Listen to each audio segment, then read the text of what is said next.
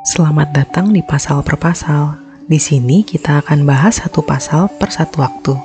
Kita buka Alkitab kita dan yuk kita kenal Tuhan sama-sama. Dalam Lukas 6 ayat 22 sampai 23, Yesus berkata, Berbahagialah kamu jika karena anak manusia orang membenci kamu dan jika mereka mengucilkan kamu dan mencela kamu serta menolak namamu sebagai sesuatu yang jahat. Bersukacitalah pada waktu itu dan bergembiralah, sebab sesungguhnya upahmu besar di surga, karena secara demikian juga nenek moyang mereka telah memperlakukan para nabi. Sejak awal, Yesus sudah memberikan petunjuk dan peringatan bahwa jika kita percaya dan mengikuti Yesus, kita akan dibenci, dikucilkan, dan dicela. Yohanes 9 menggambarkan hal tersebut dengan contoh yang sangat jelas, serta terdapat kiat-kiat agar kita tetap ikut Yesus walaupun penolakan yang terjadi begitu menyiksa. Kalau pengikutnya saja disiksa, apalagi pemimpinnya. Yesus itu sudah disiksa, disalib, dan akhirnya mati di kayu salib. Kalau kita lihat di Yohanes 8 ayat 59, Yesus itu sedang ada di bawah ancaman rajaman batu. Namun hal itu tidak membuat Yesus takut, malah dia tetap menunjukkan mujizatnya. Ketika Yesus lewat, ada seorang yang sudah buta sejak lahir. Reaksi pertama dari murid-murid adalah murid-murid langsung bertanya, siapakah yang berdosa sehingga orang ini buta dari lahir? Orang tuanya atau dirinya sendiri. Ayat ketiga, jawab Yesus, bukan dia dan bukan juga orang tuanya, tetapi karena pekerjaan-pekerjaan Allah harus dinyatakan di dalam dia. Dari tiga ayat pertama ini saya merenungkan bahwa sering kali kita juga berpikir seperti para murid.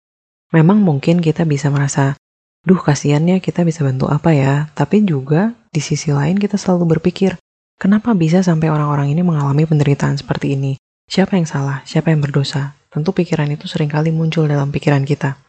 Pertanyaan-pertanyaan seperti ini ada baiknya kita hindari. Mengapa? Karena sering kali usaha kita untuk mencari tahu penyebab kenapa dia sakit atau menderita sebenarnya hanyalah untuk memuaskan rasa penasaran kita. Dan hal itu tidak akan menambah iman siapa pun untuk bertambah kuat. Serta kalau nggak hati-hati, kita bisa terjebak pada pertanyaan, mengapa Tuhan membiarkan hal ini terjadi? Kenapa Tuhan jahat sekali? Pertanyaan-pertanyaan seperti ini adalah pertanyaan-pertanyaan yang tidak ada faedahnya dan justru hanya akan mengusik iman kita pada Tuhan. Kejadian-kejadian di Alkitab pun sering kali tidak membahas alasan dibalik sesuatu, tapi justru fokus pada tujuan dari suatu kejadian. Akan ada banyak hal yang tidak bisa kita ketahui alasannya, tapi di ujung jalan kita akan tahu tujuannya bahwa tujuan Tuhan bagi orang yang memutuskan untuk percaya adalah untuk kebaikan. Jadi, ayo kita mulai belajar untuk tidak bertanya mengapa, tapi menyadari siapa yang berkuasa dan bertanya, apa yang mau Tuhan kerjakan dalam hidupku melalui penderitaan ini? Kembali ke orang buta tadi, ayat 6-7. Yesus meludah ke tanah, mengaduk ludahnya, lalu mengoleskan ke mata orang buta tersebut, dan berkata kepadanya, Pergilah, basuhlah dirimu di kolam Siloam. Cara Yesus menyembuhkan seseorang itu unik. Ada yang seperti ini dengan ludah, ada yang dengan jarak jauh, ada yang bahkan dengan perkataan saja. Hal ini Yesus lakukan agar orang-orang mengerti bahwa ini bukanlah mantra atau rumus sihir, tapi kuasa Allah yang bekerja dalam dirinya. Yesus bertindak berbeda-beda sesuai kebutuhan orang yang menerima mujizatnya. Dalam cerita ini, orang yang menerima mujizat Tuhan adalah orang yang buta sejak lahir – dan ketika Yesus menjamah orang ini, orang ini bisa melihat. Ketika kita familiar dengan kisah ini, sering kali kita kehilangan perasaan atas sesuatu yang ajaib di sini. Padahal banyak sekali hal yang luar biasa terjadi. Membuat orang yang buta sejak lahir bisa melihat bukanlah hal yang biasa. Belum pernah ada satu orang pun yang mampu menyembuhkan kecacatan dari lahir tanpa melakukan operasi, kecuali Yesus. Hal luar biasa lainnya yang terjadi di sini adalah Yesus yang mengambil semua inisiatif dalam mujizat ini. Orang ini nggak kenal Yesus, dia pun tidak dicatat bahwa dia meminta apa pun pada Yesus. Yesus yang memilih untuk menghampiri orang tersebut yang notabene tidak kenal dengan Yesus dan memberi dia penglihatan yang dia tidak punya sejak lahir. Bagi saya itu kasih karunia yang luar biasa. Nah, penyembuhan ini lagi-lagi Yesus lakukan di hari Sabat. Seakan-akan Yesus ingin sekali menekankan bahwa aturan-aturan Sabat yang dibuat oleh pemimpin-pemimpin agama Yahudi itu salah, dan bahwa Sabat itu dibuat Tuhan untuk manusia, bukan sebaliknya. Hal yang terjadi di sini malah manusia diperbudak oleh aturan-aturan hari Sabat. Mujizat yang Yesus lakukan di hari Sabat ini menimbulkan pertentangan di kalangan orang Farisi. Ayat 16.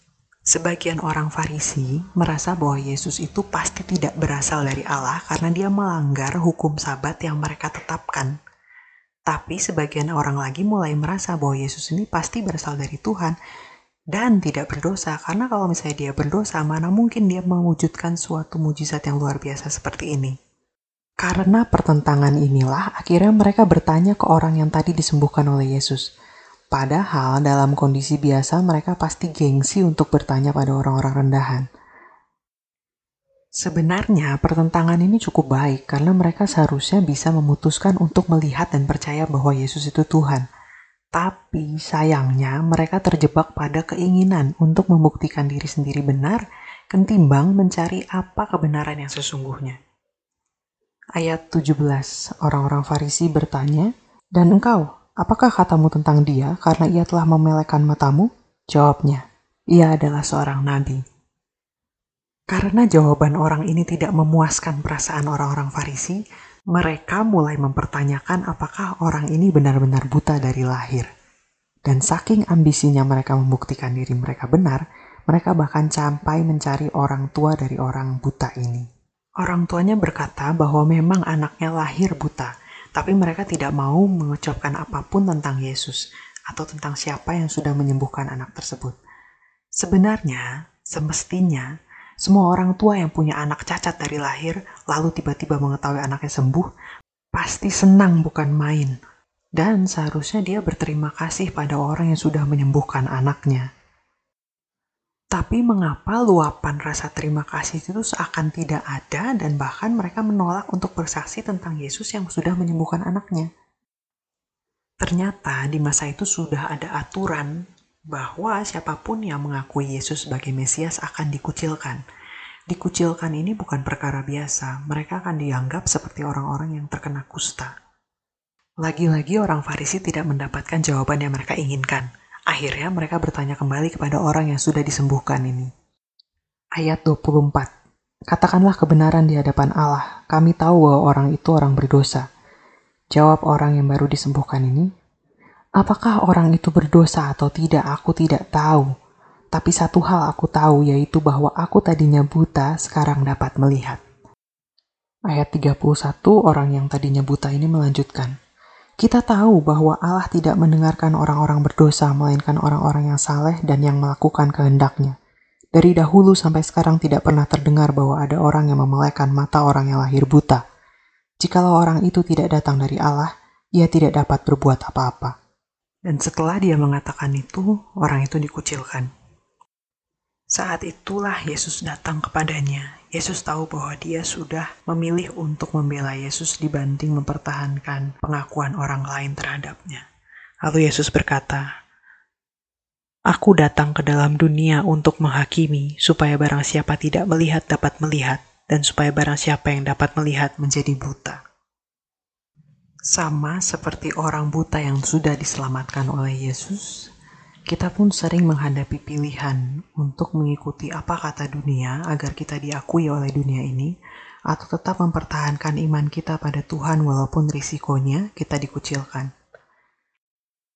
Dari pembelajaran Yohanes 9 ini, ada tiga hal yang bisa kita tanamkan dalam diri kita agar kita semakin dimampukan untuk bertahan bersama Yesus. Satu, Terima kenyataan bahwa pengikut Yesus akan disiksa, dihina, dicela, dan dikucilkan.